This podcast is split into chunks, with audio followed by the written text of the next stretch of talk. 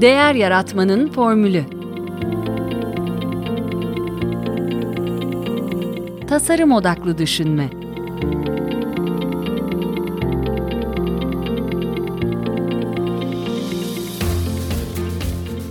Merhaba, ben Mete Yurtsever. Değer Yaratmanın Formülü Podcast'ın ev sahibiyim. Geçtiğimiz hafta Julia Stark'ta yaptığımız söyleşi yayınlamıştım. Bugün de söyleşimizin Türkçe özetini sizinle paylaşıyorum. Ee, kendisini bir konferansta dinledim. Ee, inovasyonda yaratıcılığın rolü ve akışta olmak üzerine bir konuşması vardı. Tam da bizim podcastimizin konularıyla örtüşüyordu. Ben de kendisini davet ettim. Sağ olsun zaman ayırdı ve katıldı. Buradan da gıyabında teşekkür etmiş olayım. Ee, Julia Stark yatırım bankacısı olarak kariyerine başlıyor. Şu anda ise bir çok şapkası var. ama hepsi bir ekosistem aracılığıyla sosyal etki yaratmaya dayanıyor kadınların iş hayatında güçlenmesi amacıyla e, kurulmuş European Women Association'ın başkanlığını yürütüyor. E, Femininity and Business adlı bir akademisi de var.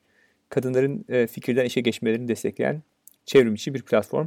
Eğitim, mentorluk dahil olmak üzere birçok e, alanda e, bütüncül bir yaklaşıma sahip.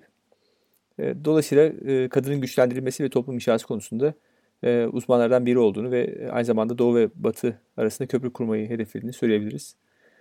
E, sonuç olarak e, kendisini bir iş hızlandırıcısı, bir seri girişimci, akış kolaylaştırıcı ve e, yazar konuşmacı olarak tanımlıyor. E, yaratıcılık e, hepimizin doğuştan getirdiği ve çoğaltabileceği bir yetenek. E, ama kendisine uygun bir ortam arıyor aslında. E, yaratıcılığı eski bir fikri alıp onu bir içgörüyle birleştirip zenginleştirerek yeni bir sonuç elde etmek olarak tanımlıyor. E, zira tümüyle yepyeni bir şey ortaya çıkarmanın pek olası olmadığını e, söylüyor. Öte yandan e, insanlar e, yaratıcı e, veya analitik gibi yaftalanıyorlar. E, halbuki herkesin beyninde bu yetkinlikleri kullanırken e, çalıştığı gözlenen bölgeler var. E, sadece biz bunlardan birini kullanmayı seçiyoruz. E, öbürü için uğraşmayı bırakıyoruz. E, yani aslında bu kabullenmemiz gereken bir durum değil. E, analitik veya yaratıcı olmak gibi. E, sadece biraz gayet göstermemiz gerekiyor. E, flow e, yani akış e, genellikle sevdiğimiz bir aktiviteyi yaparken e, girdiğimiz ruh hali, state of mind olarak e, tanımlanıyor. E, böyle bir anda zamanı unutuyoruz, e, kendimizi tamamen yaptığımız işe veriyoruz. Bir engel tanımıyoruz. E, aslında böyle anları hepimiz e, biliyoruz, yaşamışızdır. Ama yapmamız gereken bunu iş hayatında da nasıl devreye alabileceğimizi bulmak. E, ben kendimden örnek veriyorum. Her sabah işte duşun altına girdiğimde sanki bir şalter açıyorum ve e, uğraştığım sorunlarla ilgili mutlaka e, bir iki yepyeni fikirle e, çıkıyorum. Bu akış mıdır diye soruyorum. O da duş almanın böyle bir anlam taşıyabileceğini benim için yani zihnimi tazelemek gibi bir bağ kuruyor olabileceğimi muhtemelen huzur bulduğumu söylüyor. Ama bundan faydalanmak için bulduğum huzur ve odaklanmayı hemen çıkar çıkmaz başka bir şeyle engellenmeden, bölünmeden 60 dakika boyunca mesela oturup üretim halinde olmamı tavsiye ediyor. Bunun arkasındaki bir beyin kimyası olduğunu e, biliyoruz. E, bunu soruyorum.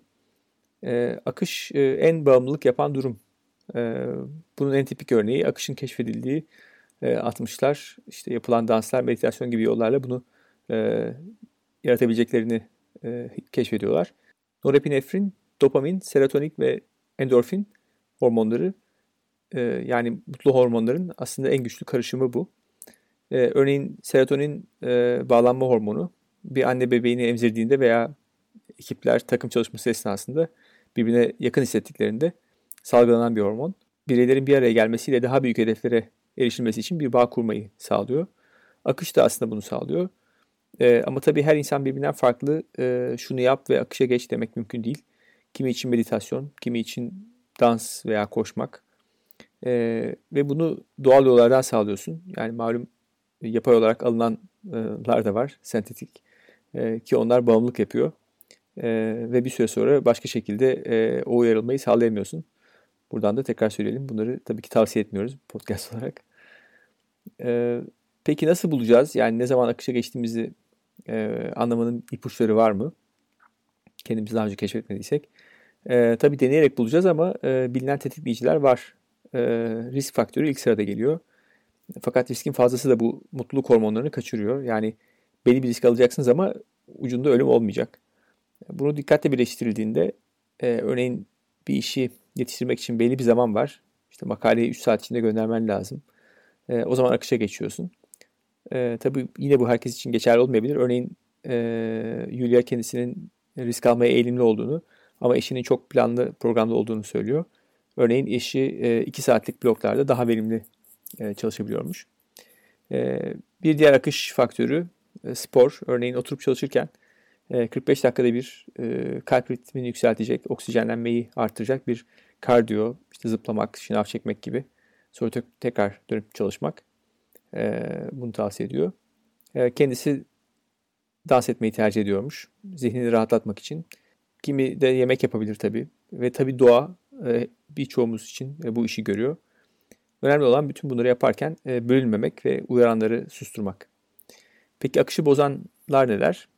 İşte risk alacağız dedik ama onun strese dönüşmesi bir problem. Çünkü bizi hayatta kalma moduna sokuyor. O yüzden sakin kalmak önemli. İkinci sırada dikkat dağıtan her şey, telefonunuzdaki, bilgisayarınızdaki bildirimler. O an açıp bakmasak da telefonumuzu veya bilgisayarı e, aklımızın birazı orada kalıyor. E, yaptığın işin bir anlamı, önemi olmadığını düşünmek de akışa girmeye engel. Yani aslında bence iş hayatının kusursuz bir resmi çıkıyor burada. İşini kaybetme korkusu veya sevimsiz bir yönetici, arka arkaya toplantılar veya yağan mailler e, kimseye heyecan vermeyen bir vizyon akışa girmeyi dolayısıyla yaratıcı işler çıkarmaya engel oluyor.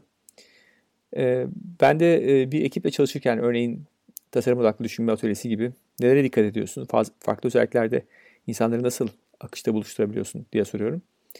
Ee, bir ekiple çalışırken e, nasıl bir ortam yaratıldığı e, önemli. Fikirler özgürce paylaşılabiliyor mu? Karar vericiler açık fikirli mi? Baskıcı mı? Mekan nasıl? Kendisi böyle bir çalışmaya girmeden önce yöneticiler ve katılımcılarla konuşup güvenli bir ortamın sağlanmasına çalışıyormuş. Aksi halde e, yaratıcı, inovatif fikirlerin ortaya çıkması mümkün olmuyor. E, tercihen e, şehir dışında ferah, güzel bir ortamda bir veya iki gece geçirerek insanların sosyalleşip, rahatlayıp kaynaşabileceği bir ortam yaratmaya başlıyor. E, inovasyon ve tasarım odaklı düşünme atölyesi için e, akışa hazırlık bir hafta öncesinden başlıyor aslında. E, Yulia katılımcılardan o hafta daha sağlıklı yiyecekler yemelerini, hatta kısmi oruç tutmalarını, hani bu 11, 12, 12 15 saat e, aç kalmak gibi alkol almamalarını ve fast food yemeklerden uzak durmalarını istiyormuş. E, böylelikle daha dinç ve arınmış olarak e, ve doğa içinde ofis ortamındaki muhtemel o negatif deneyimlerden uzaklaşarak yaratıcılıklarını e, daha iyi ortaya çıkarabildiklerini e, söylüyor. Aslında şirket boyutunun yanı sıra özel hayatımız için de böyle bir değerlendirme yapmanın öneminden bahsettik. Özellikle pandeminin insanlarda bir uyanmaya yol açtığından bahsetti. Ki bunu hepimiz deneyimliyoruz. E, kendi iş modelleri de insanları bir araya getirmeye dayanıyorken online buluşmaların herkesin kendine, ailesine daha fazla zaman ayırmasının yolunu açtığını ve müşterilerinin çoğunun bu değişikliği memnuniyetle karşıladığını söylüyor.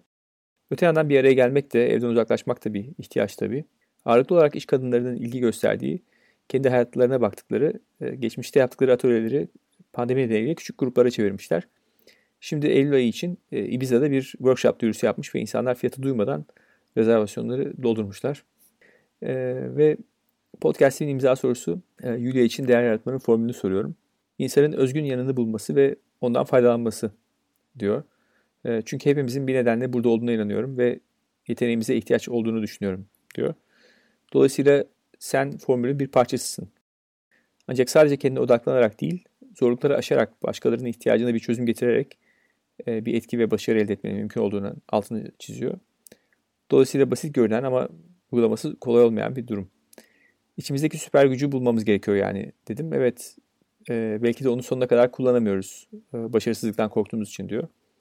E, örneğin e, kendi adına geçtiğimiz yıl sadece alanında en iyilerle kendisini geliştirebileceğinin farkına varmış ve e, onlara ulaşmaya çalışmış. E, beklemediği şekilde hepsinin işbirliğine açık olduklarını görmüş bu insanların. E, eğer e, kendinize karşı dürüstseniz bulunduğunuz ortamda en iyisi sizseniz birlikte olduklarınızı sizden iyilerle değiştirin diyor.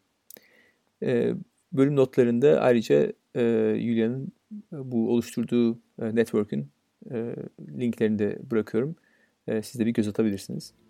Bu podcast'te tasarım odaklı düşünme çerçevesinde hem yurt içinden hem yurt dışından kimi zaman davranış psikolojisi üzerine bir akademisyeni, kimi zaman bir tasarımcıyı, kimi zaman bir iş insanını, kimi zaman da değişim veya inovasyon üzerinde firmalara destek veren bir danışmanı ağırlıyorum. Amacım Türkiye'de bu konulara farkındalık oluşturmak. Buraya kadar dinlediğinize göre sizin de bu konulara ilgi duyduğunuzu anlıyorum.